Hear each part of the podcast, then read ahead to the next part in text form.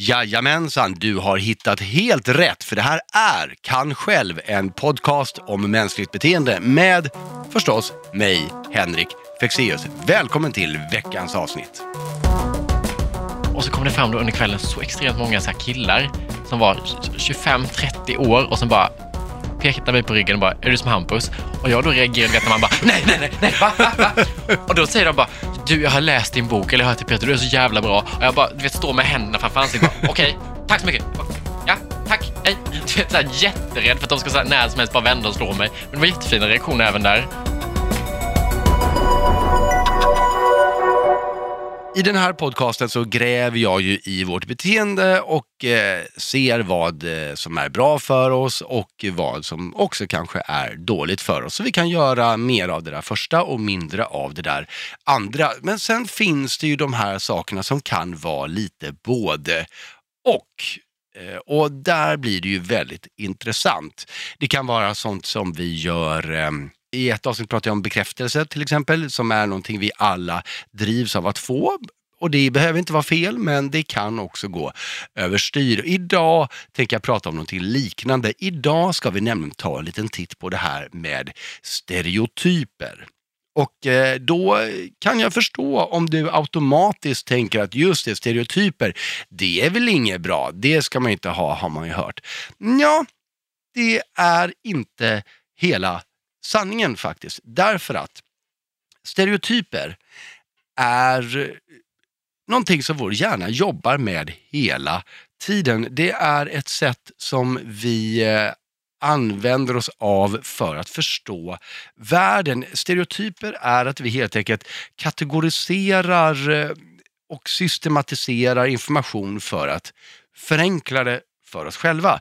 Ehm, det vill säga, vi, alltså jag inser att jag inte har definierat ordet stereotyp, men en stereotyp är ju helt enkelt att vi eh, tar bort detaljer som kan skilja sig mellan olika mm, enheter av information. Så vi kan lägga dem i en låda, det här är alla blå, det här är alla röda och sen de exakta nyanserna på sakerna i den här lådan blir inte lika viktiga. Därför att det här gör att vi, det blir lättare för oss att identifiera olika kategorier av, av information. Det blir lättare för oss att komma ihåg den. Det blir lättare för oss att förutse eh, effekter den kan få och, och hur vi ska reagera på dem.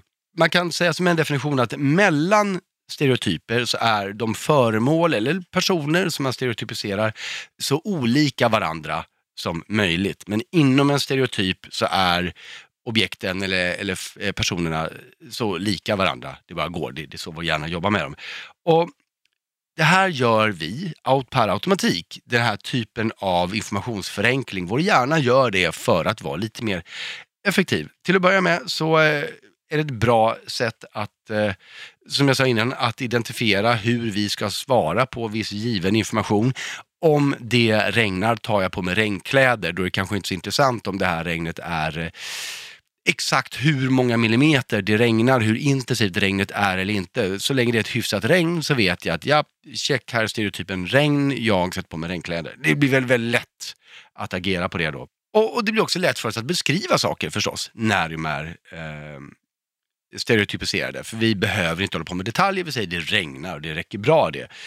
Eh, och det. Och det sparar också tid för oss och det sparar också därmed energi och vi blir ganska effektiva. Så att man kan säga att stereotyper som fenomen är genvägar som vi använder oss för att förstå hur vi ska navigera igenom vår omvärld och vår sociala kontext eh, på ett enkelt och effektivt sätt. Och också utan att det ska bli för liksom, kognitivt eh, utmanande att fundera på de här sakerna. Och det gör ingenting om stereotyper är lite fel så länge de är mestadels rätt. Det där, det där regnet, jag menar en gång på tio som jag tar på mig regnkläderna eller tar med mig paraplyt, så kanske det kommer vara ett regn som var så lätt så att jag faktiskt inte egentligen behövde regnkläder eller paraply. Men det gör ingenting, för de andra nio gångerna av tio så kommer jag behöva det där paraplyet. Så priset vi betalar för den här effektiva informationshanteringen och eh, som jag sa, navigeringen genom vår omvärld är att ibland har vi lite fel. Men det är priset vi betalar och vi betalar det gärna när det handlar om sådana saker som vädret eller saker. Problemet som uppstår är ju att vi också använder stereotypisering om människor. Och där kanske det är så att det här inte alls är ett lika lämpligt sätt att förhålla sig till omvärlden på. För att som jag sa, en fördel med stereotyper är att det ger oss faktiskt möjligheten att snabbt svara på situationer genom att vi har haft en ungefär liknande erfarenhet tidigare.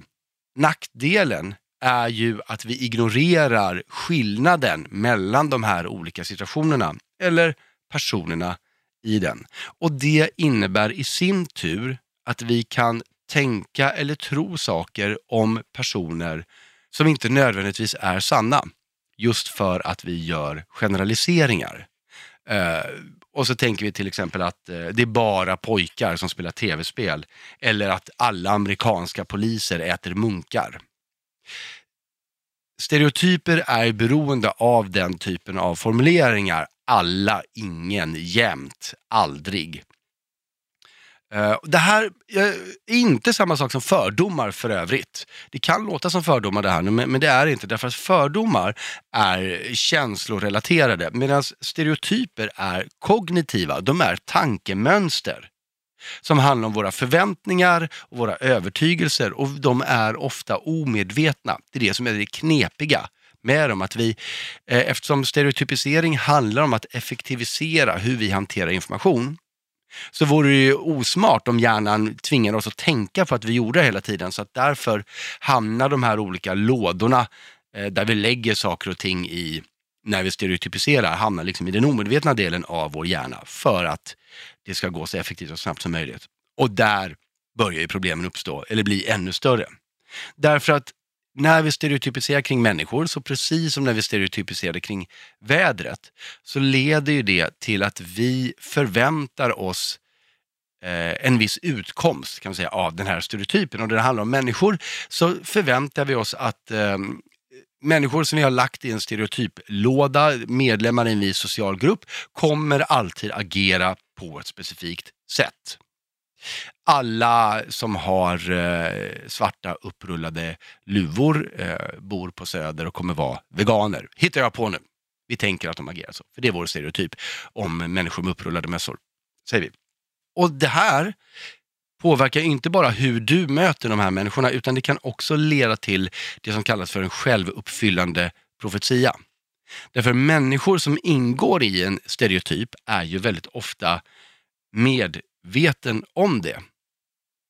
Men om man då blir övertygad om att den här stereotypen nog är sann, så kommer ju de här väldigt felaktiga förväntningarna på en persons beteende till slut få den här personen, eller kan få den här personen att agera på ett sätt som är konsekvent med stereotypen. Vilket innebär att den bekräftas och plötsligt ses som en sanning. Och det är ganska lätt att eh, uppfylla de här, eller göra de här självuppfyllande profetiorna när det handlar om stereotyper. Det finns ett väldigt berömt experiment där man tog universitetsstudenter i USA och sen så fick de fylla i ett, eh, ett IQ-test vill jag minnas att det var.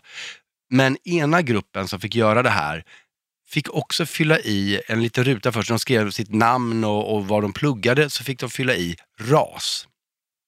Och bara det faktum att, och det här jag tror, jag vill minnas att det var på 70-talet, och bara det faktum att man behövde reflektera över vilken ras man tillhörde gjorde att den grupp studenter, i det här fallet afroamerikaner, där det fanns en stereotyp om att de var lite dumma eller, eller lata, började sen också prestera sämre på det här IQ-testet. Därför att bara det faktum att de började fundera på, just det, jag är afroamerikan, väckte stereotyperna om hur de sen skulle agera på det här provet. Så det är väldigt eh, det, det, är väldigt, väldigt känsligt. Det är väldigt, väldigt lätt att aktivera de felaktigheter som finns i en stereotyp och därmed göra det till en, en sanning. Så vad som händer är att det går i någon form av cirkel. Vår hjärna kategoriserar information i stereotyper för att göra det enkelt för oss själva. Vi agerar utifrån att de stereotyperna är sanna och de vi då möter i vårt agerande kommer påverkas av hur vi möter dem och då finns en risk att de bekräftar stereotyperna och gör dem till en sanning trots att de inte var det från början. Det här är inte alls bra naturligtvis. Och någon som har eh, tittat väldigt mycket på hur lite bra det här är, är dagens gäst här i Kan själv, nämligen Hampus Nessvold. Välkommen hit! Hej, tack snälla. Jag, jag, nu, jag höll precis på att säga så här, du har ju gjort kometkarriär. Och det är ju, jag tycker alltid att det är lite otrevligt i ordet, för det låter som att man bara gjorde ingenting och så fick man allting i knät. Och, och så är det ju inte för någon. Nej. Inte för dig heller. Men för alla andra i hela världen som inte är du, så är det ju, om man inte haft örnkoll redan på, på dig, så dök det upp lite så här från ingenstans för två år sedan kanske? Kan det stämma? Jag tycker ju inte att jag har gjort kometkarriär. Då tänker jag Gina Dirawi, du vet, som har så här bara kommer med Mello en kväll och sen bara är hela svenska folkets gulle. Men jag tycker inte jag har lyckats med den grejen riktigt än. Jag ser mig fortfarande i det dolda. Ja, du, ja, du tänker så? Ja, lite så. Den där kometkarriären kanske är så här i startgropen, snart skjuts den upp liksom. Ja, men i så fall tycker jag att, du har, att, att din dolda del på din kometkarriär har varit ganska synlig, därför, eller hörbar i alla fall. Ja, säga. Därför att, eh, om vi, vi kan nämna lite kort, ifall nu någon inte har koll på dig, varför det skulle vara så. Men eh, i, i P3, 22 kvadrat, yes. var väl ändå där vi hörde dig först. Ja. Och fortfarande hör dig. Yes. Och det är en sketchshow som har pågått i Två år. eh, två år. Mm. Eh, med William Spets. yes, Som jag, som jag har förstått är en, en, en gammal eh, kamrat till dig också. Ja, Ja. vi är bästa kompisar. Ja, och sen i somras så ha- hade du Sia med Näsvold med Oscar Sia, eller ni hade, i P3 igen. Precis. Bok i höstas. Då breddade du paletten, Ta det som en man, heter den. Exakt. Eh, och sen så, eh, och nu, nu eh, ska jag faktiskt, eh, nej jag ska inte skämmas, för jag hade behövt skämmas om jag inte hade åtgärdat det, men jag har åtgärdat det. Och det är, för du gjorde ett soundtrack till Ta det som en man, Ja, som släpptes på Spotify, jag vet inte om det finns på fler ställen. det gör det säkert. Men, och grejen är att jag lyssnade inte på det här soundtracket förrän för typ några veckor sedan. Så att jag har hört det, så att jag kan säga så här, och det är så sjukt bra. Nej, Det- men vad glad jag Det blir. är så grymt bra. Jag blev lite förbannad också, för nu, du skriver en bra bok, du gör en fantastisk skiva eh, och du är en jävligt rolig skådis och du är alldeles för ung för att vara så duktig på alla de sakerna. Eh, så säger jag som gammal Gud, jag bara lapar i mig här nu, för jag har haft så här komplex nu. Jag har varit hemma över jul i Värnamo och pratat med gamla kompisar och alla pratar om CVn och personliga brev och jag bara, jag har ingenting att sätta på mitt CV. Nej, nej. Förutom det här. Det är bara att klippa ut det här. Men, men vad hände innan 2016 då? Vad hände innan 22 kvadrat? Men jag gick ju i skolan, jag tog studenten 2015, Ja. Ehm, så att ett halvår efter det så började vi, eller bara några månader efter det så började vi rulla igång med det. Så att jag har haft liksom ganska tur där kan man säga. Att det började direkt. Kometkarriär är det ordet som jag skulle vilja använda. Ja, vi kör på det. Men din bok då, Ta det som en man, Ja, handlar om, eh, som jag förstår den när jag läser den, är är att du, du vill ju göra upp med den manliga stereotypen. Mm. Att det är på något sätt en utgångspunkt i den här boken. Och det, det är en väldigt eh, personlig resa för dig. ja. Men varför är den manliga stereotypen så problematisk då? Det farlig? För att den är så destruktiv för killar och män själva och för folk runt om män och killar. Killar kan ju känna sig liksom begränsade i att man inte får, i den stereotypa mansrollen då, uttrycka känslor, inte gråta, kunna ta en smäll, eh, veta och kunna allt och sådär. Och sen så är den destruktiv för andra på så sätt att män sitter på maktpositioner, eh, bestämmer över andra människor och så att de är högst representerade i våldsstatistik till exempel. Mhm. Därför är den fel. Hur påverkade den dig då, den här stereotypen? Eller om den har gjort det? Ja, men det är klart den har gjort den. Det är ju upphov till hela boken.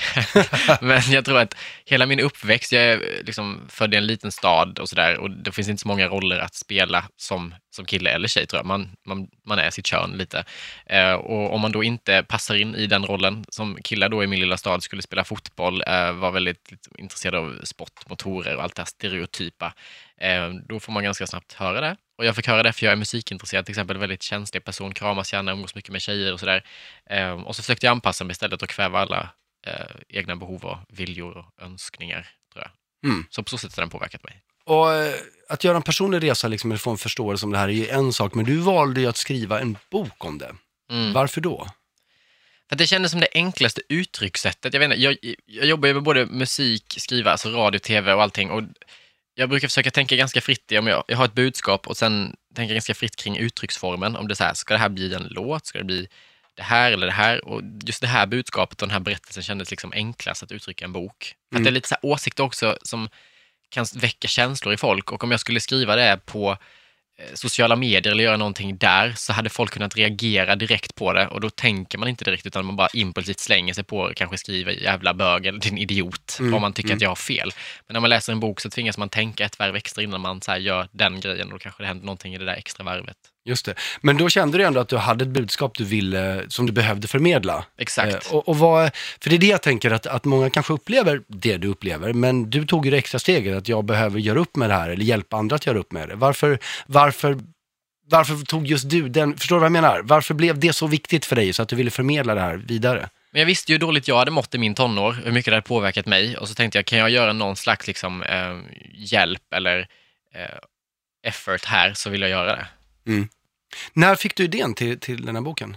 Det var nog, eh, ja, ja, oktober 2016, så ganska nyss. Ja, Så ett år innan den kom kanske, typ. ja, ja jag hade som lagom. sagt jag gick runt i förlagen att så här, den ska ut om ett år till bokmässan. Ja, Så jag var ja. lite stressad där, men eh, jag är glad för den nu. Den hamnade ju ganska bra i timing, i tanke på metoo och allt som hände. Verkligen så, verkligen. Och, så att i princip, du gick ut gymnasiet och sen bara, nu får det vara nog, jag ska skriva en bok. Ja, men typ. Ehm, det, står, det, det finns ett citat i din bok som är så här, om jag är en man men inte beter mig som en man, vad är jag egentligen då? Mm. Eh, det är intressant att du skriver vad är jag och inte vem är jag. Men, men Ja, just det. Ingen redaktör har reagerat på det heller, utan det är bara slank med. Men, men är det det som, är, är, det det som är, är kruxet? Om man inte uppfyller stereotypen så har man inte längre ett utrymme. Ja, men lite kanske. Vad, hur upplevde du det då, när du, när du inte uppfyllde stereotypen? Fanns det ett utrymme för dig att ta det, eller fick du muta in dig själv?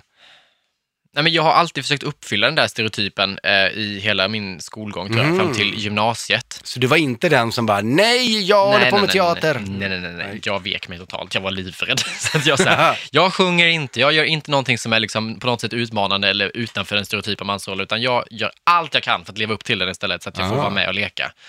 Ehm, och sen Men, men vänta, sprang du omkring och sparkade fotboll? Och Ja, liksom, men gud, i jag har åtta så år. svårt att se mig. Jo, gud ja. Jag har spelat fotboll i åtta år utan varken talang eller vilja kan jag säga. Och jag har, eh, varje gång det blev liksom is på rinken var jag där först med hockeyklubban. Mot min vilja också även där. Ehm, jag har liksom eh, slängt med väldigt oskärmiga uttryck, kaxat med lärare. Jag har varit så jävla mycket as som man kan vara i skolan. Shit. För att jag tänkte att det är så en kille ska vara. Ja, just det. Men, men vad, när du var det då? När du, när du var det där så som en kille skulle vara, vad fick du för respons på det då? Men då fick jag den liksom, manliga bekräftelsen. De andra killarna i klassen bekräftade mig för att jag var tuff eller bra eller Mm. modig eller stark och sådär. Och det var ju det man sökte hela tiden. Och det var ju också därför jag inte vågade säga att jag egentligen ville sjunga eller kramas eller umgås med tjejer, för då var jag så rädd att bli utstött och inte få den där manliga bekräftelsen. Men ja, för jag tänkte fråga dig, den måste väl känns bra, den manliga bekräftelsen? Ja, ja, man levde ju på den. Men för då, är, och det här kanske, jag vet inte ens om jag kan formulera frågan och det är nog ännu svårare att svara på, men det jag tänker är, för grejen med stereotyper är ju ofta att de blir självuppfyllande, att man tänker, precis som du gjorde, man förvänt, tänker att det finns den här förväntan på mig, eller stereotypen, och då uppfyller jag den förväntan, Mm. och då får jag bekräftelse på att det var rätt gjort. Mm. Och då är det ju väldigt lätt att det också leder till en förändring i det egna beteendet. Man fortsätter vara på det sättet, för det är då man får den där bekräftelsen. Men du gjorde inte det.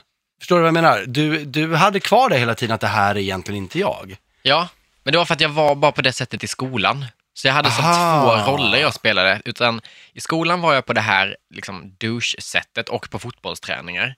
Eh, men hemma så var jag inte alls det. Ja, Jag hittade en, så här, en eh, jättekonstig grej, för när jag skrivit boken så har jag skrivit den utifrån mina minnen, ju hur jag Mm. ser på den tiden. Men så hittade jag på ett gammalt USB när jag rensade mitt förråd för eh, typ några månader sedan.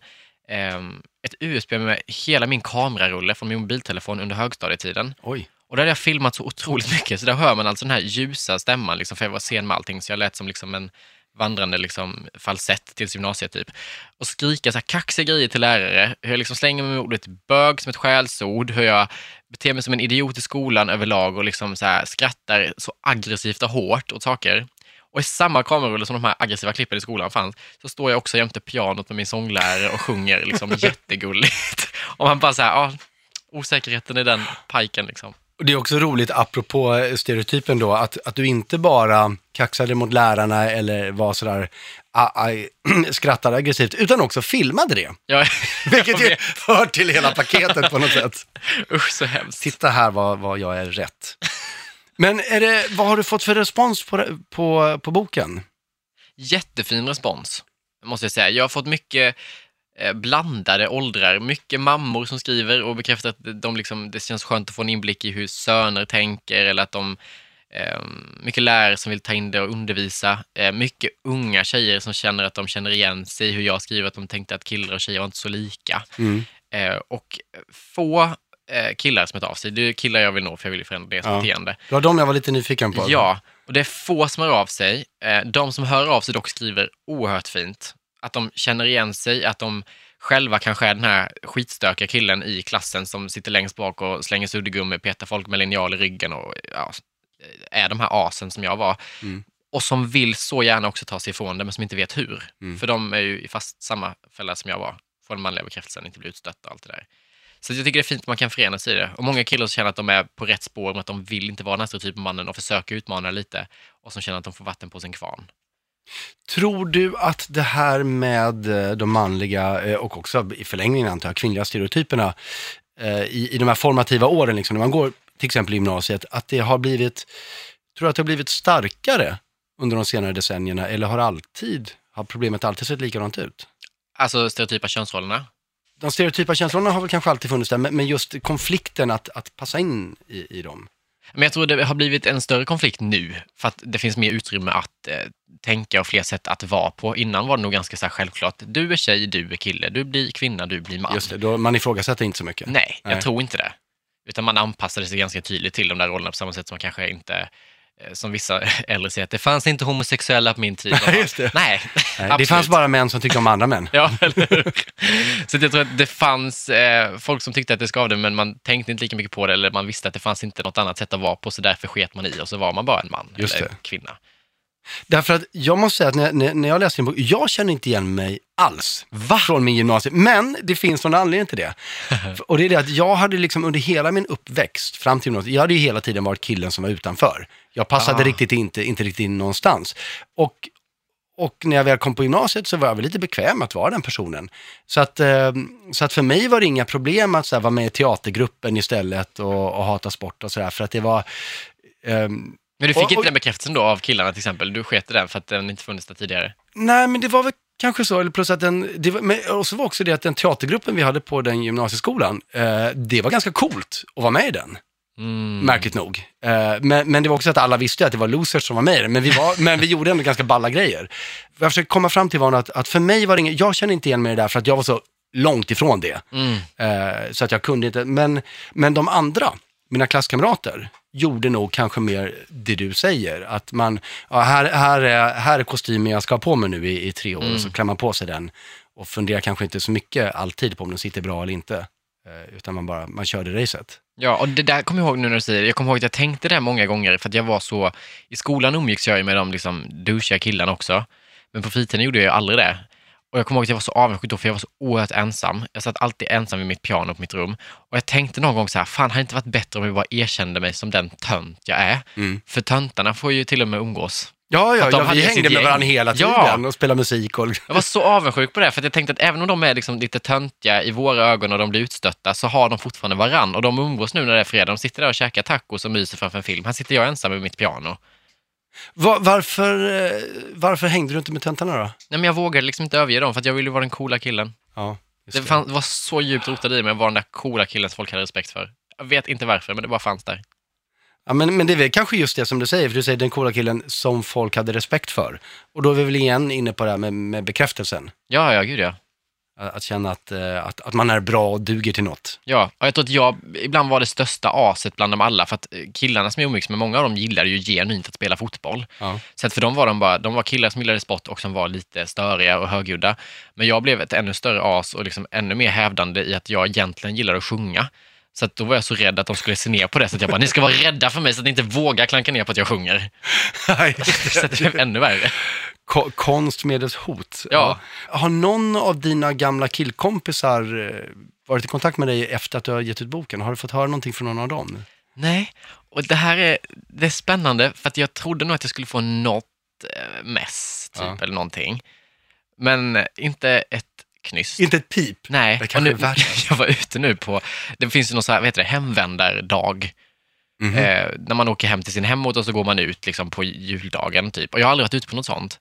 Men så i år då så var det en kompis som sa att vi ska gå ut på det. Och det finns en liksom, krog i Värnamo där jag är ifrån. Och dit går ju alla. Förstås. Och jag var livrädd för att bli nedslagen. Jag tänkte så här, jag kanske får stryk här ikväll för att min bok är ändå provocerande. Men, men nu som- kom du ju dit i egenskap av kändis ju. Nej, alltså, nej, men jag tänkte så att folk kan vara provocerade av det. Ja, jo, jo, man ska inte tro att man är något och sådär. Nej. Och då kom det fram då under den här kvällen, jag gick dit med så här rädsla för att kunna bli nedslagen. Och så kom det fram då under kvällen så extremt många så här killar som var 25-30 år och som bara pekade mig på ryggen och bara, är du som Hampus? Och jag då reagerade, vet när man bara, nej, nej, nej, nej, va, va, va? Och då säger de bara, du, jag har läst din bok, eller jag har hört till Peter, du är så jävla bra. Och jag bara, du vet, står med händerna framför ansiktet, okej, tack så mycket. Och, tack, hej. Du vet, så här, jätterädd för att de ska så här, när som helst bara vända och slå mig. Men det var jättefina reaktioner även där. Så att jag bara, så här, paranoia. Men jag tror att de killarna som jag gick i högstadiet med, många av dem, ehm, utan att hänga ut folk så, eh, tror jag lite är kvar i samma mönster. För att jag vet att de umgås fortfarande med varandra till exempel. Och då tänker jag att det Mm. kanske är samma jargong då som nu. Just det, de har bekräftat oss varandra. ja. Ja. Töntarna då, vet du vad de gör idag? De har hört av sig Ja, är det så? Ja. Många av dem. Men de har också en relation till idag. För i gymnasiet blev jag lite mer tönten för jag gick i stet. Ja. Så det var som att jag vågade släppa på det. Just och det. då omfamnade de lite mer. Så de hör sig med idag. Kan inte kalla dem töntarna då. Nej, Men de som då var liksom... dina nuvarande kollegor. Ja, precis. Alla vi utstötta som hamnade i media. Ja. Nej, men de har hört av sig. De tycker det är jättebra. Vad vill jag med av dem? Nej, vi gick Nej. inte i samma skola alls. Han är från Umeå, långt upp. Liksom, i skillnad från... Gud, måste förklara för dig. Umeå ligger då uppe i landet. Förlåt. Ja, det är lika bra. Jag är- kommer från Örebro själv, så att jag... mm. Ja, Eh, Men, men jag tänker på, du sa också att du fått respons från, från, eh, från tjejer. Har, har du också fått höra någonting om, om hur, om det finns, jag antar att det finns en, en liknande problematik på, på, på tjejsidan med att uppfylla stereotypen? Ja ehm, den har inte fått höra så mycket. Jag tror Nej. eh, många så här tjejer har skrivit att de ehm, känner igen den här killen, att de kanske inte blir lika rädda för killarna i sin klass. Eh, många har också skrivit om ehm, att de relaterar till kroppskomplex, till exempel, som jag skriver mycket om i boken. Ehm, och kan känna igen sig som tjejer där och fick lite styrka i det till exempel. och sådär. Vilket jag tycker är jättefint. Och många tjejer skriver bara för att de är så här, gud det här du skriver om det är så jävla viktigt och på vår skola så är alla killar så som du beskriver det själv i högstadiet, kan du komma hit och föreläsa typ? Mm. Vi har så mycket problem att de kallar oss för horor, att de gör det här, att de gör det här. Eh, Det hade gjort så mycket nytta här typ. Så det är väldigt mycket fina reaktioner i igenkänning och att de vill att man eh, ska göra saker för killarna runt om dem. Vad är, vad är dina tips då om man, jag tänker man kan antingen så känner man att man uppfyller en stereotyp som man inte är bekväm med, eller så kanske man uppfyller en stereotyp utan att, att ens tänka på att det är det man håller på med, att man faktiskt inte har funderat över att man har ett val. Mm. Eh, vad, vad är dina, oavsett var man befinner sig, vad, vad är dina tips till hur man ska fundera kring, kring sig själv och hur man är? Jag tror överlag att människor måste bli bättre på att självransaka sig. Mhm. Jag tror man är jävligt dålig på att så se inåt och bara, okej, på vilket sätt eh, kanske så bidrar jag till en norm eller på vilket sätt anpassar jag mig efter min omgivning eller eh, vad den är och se sig själv med någon slags kritiska ögon. För på många sätt är man ju sin största kritiker. Mm. När jag säger att gud vad fin du är idag till en kompis så kan jag inte säga det till mig själv för jag tycker inte själv att gud vad fin jag är idag. Det går liksom inte på vissa sätt att se så. Och på vissa sätt kan man också se så mycket mer brister hos någon annan än hos sig själv. I prestation till exempel, eller hur man Mm. förhåller sig jag. Och bli bättre på det överlag. Och se sig själv med någon slags självdistans tror jag. Men är det, är det alltid dåligt att uppfylla den där normen eller, eller den där bilden då? Nej, det kanske det inte är. Jag tänker så här, om man tänker egoistiskt nu, så för vissa killar som inte, eh, om jag tar den normen, Mm. alltså så här manlighetsnormen, Mm. för de killar som inte har eh, ett behov, liksom, det finns ju vissa enskilda individer som inte har ett behov av att prata känslor, som är ganska så här grunda liksom. Eh, och som är kanske sportintresserade, älskar att grilla, att hänga med grabbarna är det bästa som finns. För dem är det ju liksom hur kalas som helst. Men kanske inte för människor i deras omgivning. Nej, exakt. Nej. Men om man tänker rent egoistiskt så är det ju liksom Ja. så här, för dem är det ju liksom eh, fredag hela veckan, typ hela livet. Det är ju så fort man inte passar in i en norm som det skaver, men Mm. för de som inte gör det så är det ju liksom bara gött, kan jag tänka mig. Men det innebär ju att, eh, därför jag tänker mig att om man känner att man inte passar in i normen, då har man börjat ha de här tankarna, vare sig man vill eller inte. Men om man passar som handen i handsken i, i den här manlighetsnormen, den manlighetsstereotypen, Mm. så kanske man ändå, eller just av den anledningen, ska fundera lite på vad det är man gör och, och varför och, eh, och om, man, om man gör det för att det uppfyller en, en förväntan Mm. eh, som man av, av egoistiska skäl tycker är praktiskt att uppfylla. Eller om det finns ett mer konstruktivt sätt, att göra på. Det låter ju jättesvårt, så om du mår bra, rannsaka dig själv. men, nej, men på något sätt, det känns som att det är där vi hamnar. Att, är du liksom per, perfekt i att du uppfyller allas förväntan på dig, så är det kanske någonting som, där du inte är helt ärlig mot dig själv. Ja, och mår du bra eller mår bilden av hur folk förväntar sig att du ska vara bra? För då kan man också, jag tänker man kan bli så pass liksom mindfucked där efter ett tag, Gud, vilket om- omoget uttryck, men att man kan bli så förvirrad där att man, så här, man tänker att nu när jag uppfyller allas förväntningar på mig så mår jag jättebra, Ja, just det. när man egentligen inte mår bra. Men man, man, man lär sig själv att det är så man, lite som folk som har mått dåligt jättelänge som är rädda för att må bra igen. Mm, Typ. mm. Något Ja, men det här, det här har ju igen med bekräftelse att göra, som är faktiskt ett, ett helt annat avsnitt i den här podcasten också, Ja. där verkligen grämer ner med det. Och, och så är det ju, det är ju jätteskönt att veta att, att eh, titta, nu, nu har jag gjort som alla vill att jag ska göra. Ja. Då är jag väl värd något och så får jag vara med. Exakt Eh, så. Det är otroligt svårt att ta sig ur det. Jag tror de har det jobbigast nästan. Om man känner att man mår bra eller passar som man är handsken men inte har medvetenheten om att egentligen gör man inte det eller någonting. Nej. Vad är vägen ut då? Nej, jag vet fan. Ja, men jag, tror, nej, men du var på, du, jag tycker att det du sa var bra, där med självrannsakan. Ja, jag tror det är viktigt i alla fall och att man ur manlighetsnormperspektiv så här självrannsaker och våga prata med folk runt om. För ofta är ju folk, det man själv inte har eller den liksom medvetenheten eller synen på sig själv, den kanske någon annan har. Mm. Och kan ge en. Vem, men, men är inte det också en del av problemet, att man vet inte vem man kan prata om sånt med? Jo, gud ja, det är det största problemet i hela manligheten, att man så här, ingen, eller många killar känner att de inte har någon riktigt nära relation. För att man vågar inte liksom sänka garden eller eh, visa vem man egentligen är eller vad man tänker för att man är rädd, återigen, för att inte få vara med eller bli utstött eller kallas svag. Ja. Ehm, men jag tror det är först när man gör det som man liksom får uppleva någon slags närhet på riktigt och mindre ensamhet. Och idag så finns ju också, jag tänker just om man har den bakgrund som du har, att man kanske kommer från en mindre stad och det, man är väldigt synlig i vad man än gör. Mm. Det är svårt att gömma sig kanske, men idag finns ju nätet. Ja, ja, ja. Så att det finns ju eh, människor att prata med överallt, som inte andra behöver veta om att man har pratat med. Ja, och det där är också konstigt, för att man tänker ofta att man måste, det finns en press på det också, att den man ska öppna upp sig för, vad som är ärligast med, det ska vara någon nära, så här, det ska vara en kompis, det ska vara en mamma, det ska vara en eh, kurator. Men jag tycker, liksom, som jag skriver i min bok, jag ringde till eh, en kvinna som jobbar på Länsförsäkringar och tydligen i växeln, liksom. Och hon lyssnade, hon kunde lagt på efter två minuter, men hon lyssnade i 50 minuter och hjälpte mig hitta terapitider på min lokala vårdcentral. Så jag tror att alla vill lyssna och ibland är det enklare för någon som absolut inte känner en. Ja, det tror jag också. Det är ju bara att gå till sig själv. Vill man verkligen veta bland sina närmsta vänner alla deras eh, personliga liksom, skavanker och saker de funderar på? Och så här, ja, till viss grad, men, men ibland kanske inte. Nej. Eh, ibland, eh, och, och speciellt om man blir ombedd att, om inte rådges, åtminstone vägleda eller på något sätt förhålla sig till någon, Mm. så kanske det är lättare att göra det med människor man inte är känslomässigt investerad i. Ja, och att öppna upp sig för någon som man tror då har en bild av hur jag är. Ja, exempel. just det. Det är också Det- skitsvårt, för då ska jag bryta den bilden samtidigt som jag ska liksom be dem hjälpa med mina problem. Då kanske det är lättare att bara gå till någon som inte har en jävla aning om vad man Ja, heter. ja, visst. och bara, det här tänker jag på, för att då blir det enklare att bara så här, skala av sig själv. Och det där är skitsvårt, det är även i det lilla. Jag, jag har en god vän som, eh, vi har känt varandra otroligt länge. Och eh, för några år sedan så blev jag frustrerad över, jag märkte, fan, varje gång vi träffas, vi pratar bara om liksom tv-serieavsnitt i princip som vi dissekerar och drar one-liners ifrån och, så här. Det, och, och musik. Och det känns så sjukt ytligt. Mm. Va, nej, men och va, hur blev det så? Nästa gång vi ses, då, då ska jag fråga om riktiga saker och vi ska prata om riktiga saker. Så. Och det var asvårt. Det var jä- jag var jätteobekväm i att bryta, för det hade liksom blivit en norm för oss, att det var det vi gjorde. Vi pratade tv-serier och one-liners. Och att då liksom ställa den här frågan, men du, på, på, hur mår du på riktigt då? Det var, det var svårt. Men gick du tillbaka till tv-spelet snabbt, så att du liksom, hur mår du? Du märkte att det inte gick och så bara, men du den här one-linern? Nej, Eller vågar du stå nej, ut? nej vi, vi, jag stod ut. Och idag gör vi båda. För att det är okej att prata nej. tv-serier också, det, det är det ju förstås. Ja, ja, men, gud ja. Eh, men, men just det där att, att, för det fanns den här förväntan på samtalet. Eh, I, och, då, och det var jättesvårt att bryta, trots att det inte rörde liksom några jobbiga saker. Men hur kände han?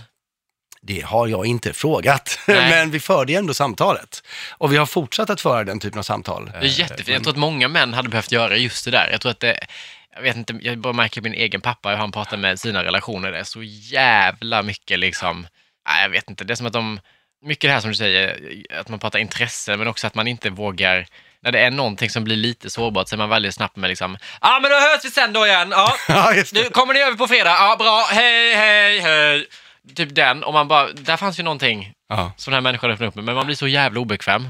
Men jag menar, det är också svårt, därför att eh, när man får det i knät på det sättet, då blir man ju så oj, jag vet inte vad jag ska göra av det här. Mm. Eh, bara, nej, tack och hej. Så. Och, och för mig var det, jag var ju tvungen att fatta ett medvetet beslut. Jag, för det kommer ju inte av sig själv, liksom, att förändra det här samtalet. Nej. Det är inte så att man bara, ja, men jag borde bli lite bättre på att prata om viktiga saker med mina manliga bekanta. Nej, det blir ju inte, utan du måste aktivt bestämma för att nu Ja. ska jag säga de här orden, liksom, annars kommer det inte ske. Ehm, och också vara beredd på att kanske hantera det som kommer efter, för att Mm. annars blir det ju just det där du säger, tänker jag. Att, eh, då ses vi på fredag istället. Men är du bra på det annars, förutom den relationen, att så här, öppna upp och fråga på det sättet med manliga liksom, vänner? Jag försöker, Ja. men det är sjukt lätt att hamna i de här samtalsmönstren. Också för att de i sig kan ha intressanta, ett intressant innehåll. Mm. Det är bara att det inte är så personligt, utan det blir ett ganska grunt innehåll. Men det kan ändå liksom vara intressant för stunden. Och då är det mycket svårare att inte prata om det, om det ändå är lite kul att prata om. Mm. Eh, men, men jag försöker och jag, jag har en sån här i, i bakhuvudet att jag försöker, jag försöker så ofta jag kan fråga om folks, eh, eh vad som motiverar dem och, och vad, det, vad de känner inför saker och ting och eh, deras eh, personlighetsdrag. Känner du dig nära dina manliga kompisar när du inte vet så här hur de mår eller vad de tänker och sådär? Alltså om ni bara pratar tv-serier, tänker jag till exempel med någon. Nej men det var ju det som hände, jag kände liksom att var är, det här är en av mina äldsta vänner, va, va, varför är vi inte närmare varandra nu? Vi har ju Nej. varit det. Ja. Vi var ju som led och Ronhalm, idag pratar vi bara eh, sci-fi-serier. Va, vad hände? Liksom? Eh, och då är det paradoxalt att det var svårt att hitta tillbaka. Mm. Ehm, Men eh, ja, Aj, fan vad spännande. men jag tror att så länge man gör en medveten, jag tror att det är väl bara det, så länge man gör en medveten ansträngning så är allting bra. Gud ja. Eh, Och vara observant på sitt eget beteende kanske. Sen blir också medvetenhet ibland en jävla bov för mig, att jag tänker så här att nej, men nu är jag medveten. Typ så här, jag tränar inte. Nej, men jag är medveten om att det är dåligt. Då skiter jag i ett halvår till. Ja, just det, då är det okej. Nu Då är- tar jag en cigg och jag vet att det är förbannat jävla asdåligt, men jag tar den ändå. Moralen är på plats, Ja. då kan jag fortsätta. typ så. ja, oj, jättemycket att och, eh, tänka på, känner jag, även för mig. Jag hade tänkt be dig så här, har du ett sista bra tips? Men jag tänker inte ens be dig om det, för att det, eh, om, du inte, om du inte har det förresten. Nej, har, jag har inte. Men det är också fel att tipsa dig, för det känns som du är typ bland de mest intellektuella jag träffat, som bara sitter och tipsar. Nej, jag tänkte på eh, den människa som lyssnar på oss just nu i sina öron. Jag har inga bra tips. Skicka tips till mig istället, det är tips. Man kan läsa din bok, Ja, det kan man göra. Och sen får man jättegärna skicka tips till mig, för jag tycker det är väldigt kul att få tips. som kan komma i nästa bok kanske. Kommer det någon uppföljning? Är du sugen på att eh, gräva ner mer i det här? Ja, men det kommer jag göra, men inte i bokform. Ja, Det kommer mer grejer på temat, ja på andra håll. spännande. Jajamän. Vi eh, får se vad det blir helt enkelt. Ja. Hampus, tack så jättemycket för att du var med. Tack snälla, det var jättekul. En sak som jag faktiskt inte har nämnt överhuvudtaget ännu i det här avsnittet är ju positiva stereotyper. För det finns ju positiva stereotyper också. Till exempel att eh, folk från Asien skulle vara bra på matematik. Det här är ju stereotyper som är generaliserande och förenklande, precis som de andra, men som tillskriver en grupp människor eh, ett positivt värde.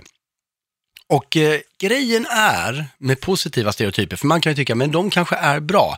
Men det har visat sig att det är de inte. Faktum är att de kan till och med vara farligare än de negativa stereotyperna av några anledningar. Till att börja med så är de ju svårare att upptäcka, därför att vi är inte lika mycket på vår vakt om någon säger någonting bra om någon, eller några i det här fallet, än vad vi är om de säger någonting dåligt. Um, dessutom är det så att de triggar också negativa stereotyper och det verkar till och med så att de, att de gör det förstärker de negativa stereotyperna mer än vad negativa stereotyper i sig gör. Jag ska förklara vad jag menar med det. Man gjorde ett experiment där folk fick läsa en eh, artikel som eh, bevisade att afroamerikaner var bättre atleter än vita. Att det bara var genetiskt, de har det i blodet.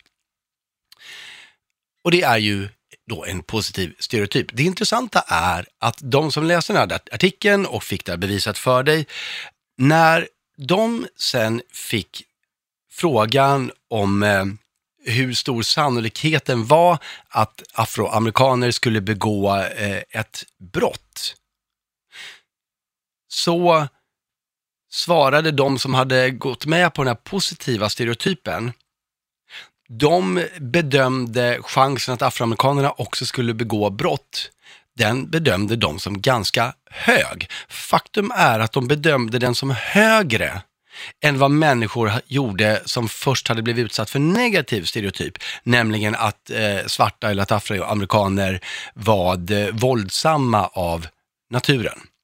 Det här kan låta konstigt, men igen. De som hade fått höra att, att eh, afroamerikaner var våldsamma av naturen, de såg alltså risken att de här afroamerikanerna också skulle begå brott som lägre än vad de gjorde som hade fått köpa en eh, positiv stereotyp om att afroamerikaner var bra atleter. Och det här kan ju verka icke-intuitivt, men jag tror att det helt enkelt beror på att när vi möter en negativ stereotyp, afroamerikaner är, eh, har lätt för att begå våldsbrott, så kan den, vi känner igen det som en negativ stereotyp, det reser en liten varningsflagga i bakhuvudet på oss. Och även om vi blir påverkade av den så vet vi någonstans, eller tänker i ett hörn av vår hjärna att det kanske inte är hela sanningen. Vilket innebär att när vi möter nästa negativa stereotyp så har vi fortfarande kvar den lilla varningsflaggan. Men om vi möter en positiv stereotyp, som är mycket enklare att bara känna, ja men vad kul, så är det säkert, eftersom det är positivt, så går vi med på det. Så har vi inte längre den här varningsflaggan när vi möter den negativa stereotypen. Så att positiva stereotyper kan alltså förstärka negativa stereotyper mer än vad negativa stereotyper i sig gör. Speciellt stereotyper har man upptäckt då i undersökningar som den här, som har med, med eh, rasism att göra och och, som är, och som är skadliga. Det här är intressant, därför det finns fortfarande positiva stereotyper som vi gärna värnar om. En sån är det här med eh, det som på engelska heter chivalry, som vi kan eh, översätta med ridderlighet kanske, eller, eller, eller artighet. Och det är vad man, eh, man kan säga att det är en typ av positiv eh, moralisk stereotyp. Därför, för det handlar ju om att, alltså ridderlighet är ju alltid män som riktar det mot kvinnor. Och stereotypen skulle ju då vara att, att kvinnor är i, de, de är lite extra förtjänta av, av vänlighet och, och respekt. Och det här är någon form av godhjärtad sexism eftersom det å ena sidan handlar om att vara snäll mot människor, men å andra sidan handlar det om att vara snäll mot människor bara för att de tillhör en demografisk kategori, inte att de är individer. Och eh, det finns ju de då som säger att men det här kan ju inte vara ett problem eftersom att bete sig gentlemannamässigt, det gör både män och kvinnor lyckliga och det har till och med höjts en del aggressiva röster om det här som menar att när nu de som forskar om det här hittar någonting som ökar eh, livsglädjen för båda könen så kan man väl bara se det som att det är bra och att det är hälsosamt. Kan, och, och lämna det där. Och jag kan lätt se den poängen. Det vore så trevligt att tänka så. Det är väl lite skitsamma om det handlar om att det är kvinnor. Det är väl bara bra att, att vara trevlig, liksom hålla upp dörren för någon åtminstone. Men problemet är ju att en sådan positiv stereotyp också kommer att förstärka negativa stereotyper om kvinnor i det här fallet. Allting ifrån blondinskämt till att de inte kan sätta upp en bokhylla. De blir också stärkta, mycket mer stärkta än vad de skulle bli av andra negativa stereotyper. Så att det känns tråkigt att behöva säga det här, men även positiva stereotyper som ju då är positiva per definition, bör vi försöka undvika. Och ett väldigt enkelt sätt att undvika den här eh, godhjärtade sexismen, liksom, eller den här ridderligheten, det är ju inte förstås att sluta vara artig och trevlig, utan det är ju att vara det mot alla, oavsett kön, så har vi löst det.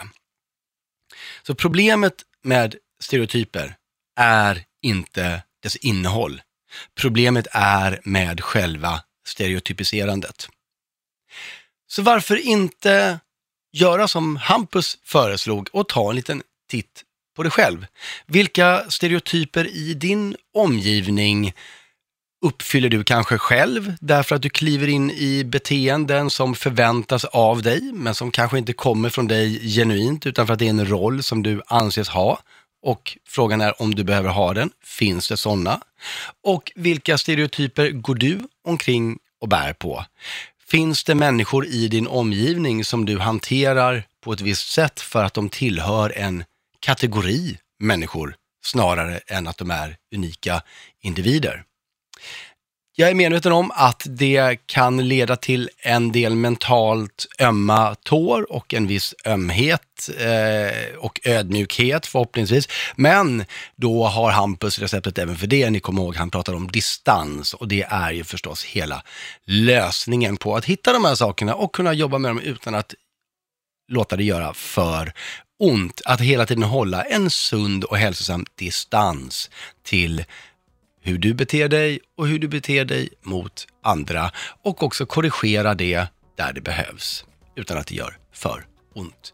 Så eh, vad sägs om det som veckans uppdrag? Eh, se vilka stereotyper du kan upptäcka i din omgivning och hur du kan förändra dem och om du vågar prata med dina vänner om det. Och när du väl har gjort det och känner att din tillvaro har blivit betydligt mer nyansrik och spännande och eh, du själv är mer bekväm i vad du väljer att göra och inte göra så kommer det nog vara dags för dig och mig att höras igen.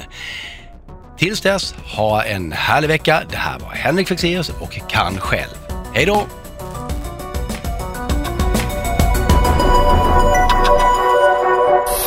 produceras av I Like Radio.